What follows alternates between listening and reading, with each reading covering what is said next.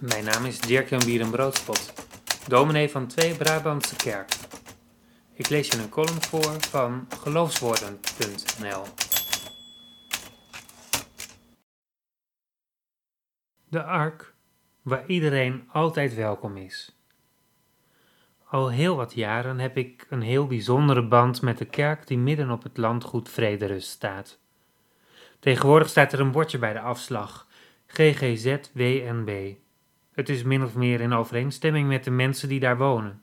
Ook zij hebben last van heel wat afkortingen die hun levensgeschiedenis duiding moeten geven. Maar in de ark, zoals de kerk heet, vallen die etiketjes weg. Daar worden mensen gezien en worden geen diagnoses gesteld. Daar heeft iedereen een naam en komt iedereen tot zijn recht. In de ark is iedereen altijd welkom. Er werd code rood voorspeld vanwege barre weersomstandigheden. De vraag kwam op of het wel verstandig zou zijn om toch te gaan. Ik denk eerlijk gezegd dat ik elke andere gastbeurt op zaterdagmorgen had afgezegd. Sorry, overmacht. Maar eigenlijk voelde ik zelf veel te veel behoefte om er te mogen zijn. De Ark is namelijk niet alleen een veilige haven voor wie op het terrein wonen van Vrederust. Die plaats doet wat met mensen, ook met mij. Zo gebeurde het dus dat ik voor de sneeuw uit een slaapplaats zocht in de buurt, om vervolgens ingesneeuwd te raken en een ruime dag later dan gepland huiswaarts te keren. Toen ik zelf begin twintig was, kwam de geestelijk verzorger van Vrederust ooit iets vertellen op onze club van de kerk. Hij deed de uitnodiging om een keer naar een kerkviering te komen. In die tijd vond ik het zelf even niet in de kerk, al was ik zeker niet los van alles wat daarmee te maken had. Kort daarna ben ik gegaan en er zijn heel veel keren daarna gevolgd. Ik weet nog precies wat het cruciale moment was dat daarvoor zorgde. Dominee Ruud Jellema, die er overigens nog altijd onbetaalbaar werk verricht, heette me welkom, wist waar hij me van kende, vroeg nog even naar mijn naam en zei: Fijn dat je er bent.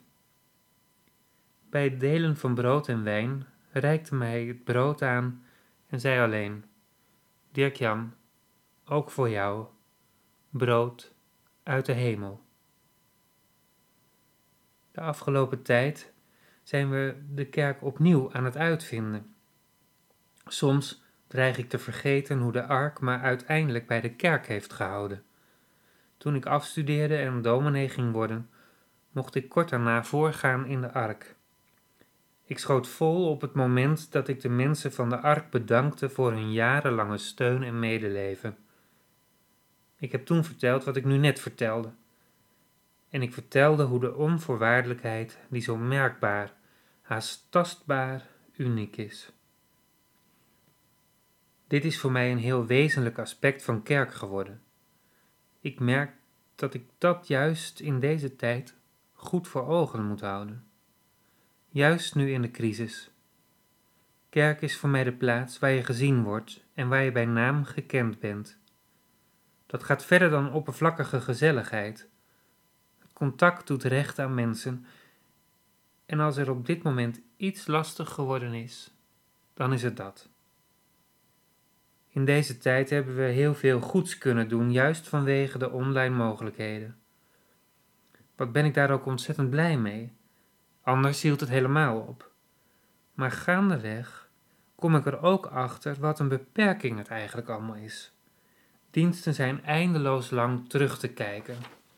Collega's bekijken, analyseren en beoordelen elkaars diensten gevraagd en ongevraagd. Mensen kiezen ervoor welke dienst te zien.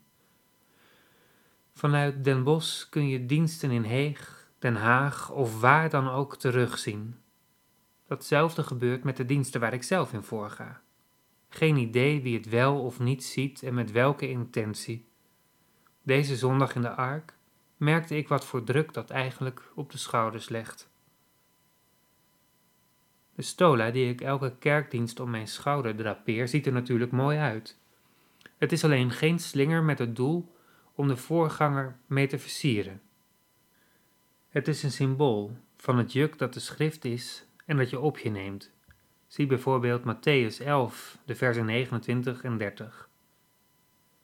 Maar door alle online activiteiten lijkt er een ander juk op de schouders te liggen, namelijk die van de social media.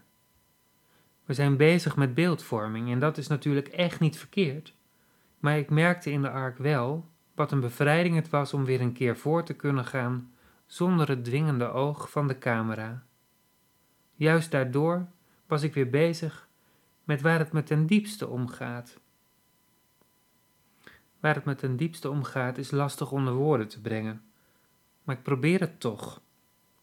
Ik geloof dat het hiermee te maken heeft. Liturgie vieren gebeurt in een specifieke context. Daar hebben we eerst en vooral oog voor elkaar. Dat vraagt om te zien wie daar verzameld zijn. Zo proberen we samen voor Gods aangezicht met elkaar tot onze bestemming te komen. Dat is bepaald geen eenvoudige weg. Het vraagt net als op die besneeuwde wegen die ik op mijn terugweg vind, om beheerst schakelen. Geen onverhoedse stuurbewegingen en bovenal een langzaam tempo.